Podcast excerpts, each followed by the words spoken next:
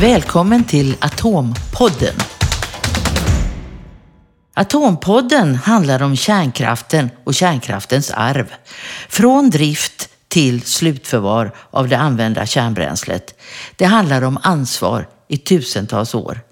Jag heter Katarina Malmer. Klimatfrågan är det som dominerar dagens miljödebatt. Och i det sammanhanget nämns ofta att kärnkraften behövs för att hejda uppvärmningen på jorden. Zero, Sveriges energiföreningars riksorganisation, driver på utvecklingen av förnybar energi. Dess ordförande, Göran Bryntse, har en helt annan syn på kärnkraften. Nej, jag läste ju kärnfysik på 60-talet då alla var för kärnkraft kan man säga, även jag. Eh, eh, sen eh, uppstod ju en, en debatt i början på 70-talet med Björn Gillberg och Hans Palmstierna och några amerikanska experter. Så då insåg jag att då kanske inte kärnkraft är så självklart. Och att jag insåg att jag hade inte fått hela sanningen på Tekniska högskolan. Eh, så att, ja, sen satte jag mig ner och räknade, för det är jag bra på, och konstaterade att vi klarar oss utan kärnkraft. Och jag publicerade min första rapport om hur Sverige kan klara sig på 100% förnybar energi redan 1974. Och sen dess har jag liksom insett att kärnkraften är farlig och framförallt onödig. Kärnkraften har ju idag blivit väldigt populär hos vissa politiker och eh, även eh, ska vi säga, kärnkraftsindustrin därför att den anses vara fossilfri. Nej, det är den inte och det finns faktiskt, om man tittar på eh, klimatpåverkan, för det är det som är intressant i sammanhanget, eh, så ska man titta på hela livscykeln. Eh, går man tillbaka till 2010 så anmälde då Folkkampanjen mot kärnkraft kärnvapen, som jag var ordförande för då, eh, eh, E.ON eh, för konsumentombudsmannen. För att E.ON påstod att kärnkraften var koldioxidfri. Och sen eh, hänvisar vi till ett antal vetenskapliga publikationer eh, som baserar sig på livscykeln och konstaterar att den är inte koldioxidfri. Och då beslöt konsumentombudsmannen helt rätt att förbjuda E.ON att påstå att kärnkraften är koldioxidfri. Eh, och eh, sen var det väl lugnt några år, men sen blev det liksom svårare och svårare att försvara kärnkraften det blev bara dyrare och dyrare. Så då hittade kärnkraftsindustrin på en, en egen definition av fossilfritt. Och det är vad som kommer ut ur själva skorstenarna i kärnkraftverken. Där finns det ingen koldioxid. Eh, det finns mycket annat som är klimatpåverkande. Eh, men eh, som sagt det finns egentligen inte någon kraftproduktion som är fossilfri ur ett livscykelsperspektiv. Och allra minst kärnkraften. Det finns stora koldioxidutsläpp från urangruvor och ifrån anrikningen av uran och ifrån eh, avfallsförvaringen då förstås. Och dessutom kan man säga att det som kommer ut från skorstenen i kärnkraftverken är också klimat eh, klimatförstörande. Så jag tycker man borde i första hand använda diskussionen klimatneutrala eh, kraftproduktioner.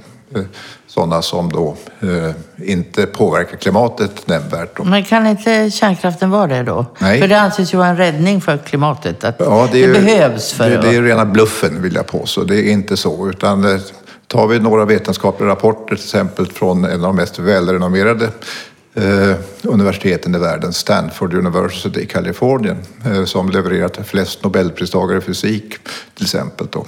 Eh, de har gjort utredningar som visar att kärnkraften släpper ut ett par gånger mera koldioxid än förnybar energi.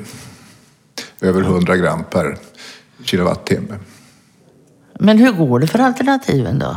Vi har ju fortfarande en massa kolkraft kvar i världen till exempel. Ja, jag kan säga eh, Zero, eh, Sveriges Energiföreningars riksorganisation, vi bildades i början på 80-talet eh, just för att jobba för förnybar energi. Och det har varit ganska motigt.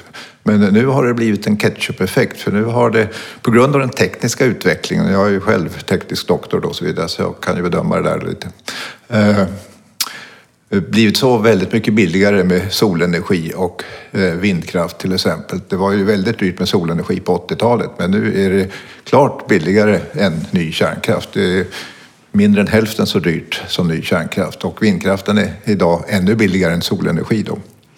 Så att eh, det går lysande för de förnybara energislagen.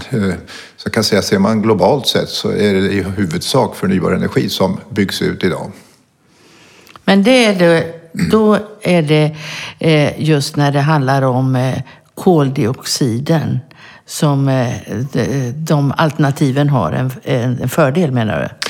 Ja, de är billigare framför allt. Det mm. räknas, Jag har själv räknat ut att en ny reaktor under sin livstid, 40 år typ, eh, skulle innebära merkostnad jämfört med förnybar energi på minst 300 miljarder kronor. Eh, så varför skulle man slänga ut så mycket pengar på något som dessutom är livsfarligt? Det tycker jag inte. Men du, eh, nu när man ser då på eh, kraftverkens livslängd och så, så talas det ju om att man ska bygga nytt. Och då ska man bygga små kärnkraftverk och många. Skulle inte det kunna vara en lösning då? Det blir i så fall ännu dyrare än de här stora elefanterna vi har nu då. Eh, så att det är fortfarande en, en ur ekonomisk synpunkt fullkomligt eh, oacceptabel lösning kan man säga då. Eh, och det producerar fortfarande avfall, eh, högaktivt avfall, så att det problemet kvarstår ju då. Så det löser egentligen inga som helst problem mer än att det kostar pengar. Men vad tycker du, hur, hur ser du framför dig nu eh, eh, elförsörjningen, om vi nu bara håller oss i Sverige? Hur tycker du det kan se ut och på ett bra sätt? Ja, jag tror ju då att om vi säger idag så använder vi 134 miljarder kilowattimmar, så kallade terawattimmar per år i Sverige. Och eh, enligt Ceros plan så kan vi öka det till 170 om det behövs. Eh, och då skulle då vattenkraften stå för den redan befintliga vattenkraften plus lite effektivisering av den då, eh, knappt hälften. Och sen har vi då biokraft från fjärrvärmenäten och så vidare som kan stå för kanske 20 terawattimmar. Och sen har vi vindkraften som kan stå för lika mycket som vattenkraften, 70 terawattimmar. Och sen har vi solenergin som kan tillkomma då och det kan också röra sig om uppemot 50 terawattimmar. Så totalt sett så kan vi eh, lätt med förnybar energi producera över 200 terawattimmar. Eh, men det tror jag inte vi behöver göra, utan det räcker med 170 enligt våra bedömningar. Varför tror du att intresset är så stort eh, att bibehålla kärnkraften då? Ja, det finns ju intressen eh, som är för det. Eh, militära intressen till exempel. Det är ju så att militärerna har ingen eh, riskbedömning om kärnkraftverken. De eh, är helt ofarliga ur försvarssynpunkt. Däremot så fort man bygger ett vindkraftverk i, utanför Blekingekusten eller Hanöbukten där jag bor eh, så säger de att det är mot rikets säkerhet på något sätt. Och sen är allting hemligstämplat så man får inte hitta på, titta på deras argument utan det är liksom de kör hårt med att förbjuda väldigt mycket vindkraftverk just därför att de är intresserade av kärnkraftverk av obegripliga skäl. Eh, ja, vad då obegripliga? Det måste väl finnas någon drivkraft någonstans? Ja. Eh, det kan väl inte vara vapen längre? Det, det där kan man spekulera över då och så vidare. Men eh, på 50-talet när den här kärnvapendiskussionen var som hetast så var det ju militären som drev på att vi ville ha kärnvapen och man höll på att bygga en fabrik utanför Norrköping som skulle förenkla produktionen av kärnvapen i Sverige. Och eh, det är klart att det, det, kärnvapen är lockare då för militären och så vidare. Det är liksom den möjliga förklaringen som jag har till att, att de tycker att kärnkraftverken är ingen säkerhetsrisk, men däremot vindkraftverken är säkerhetsrisker. Det är ju patetiskt vill jag påstå.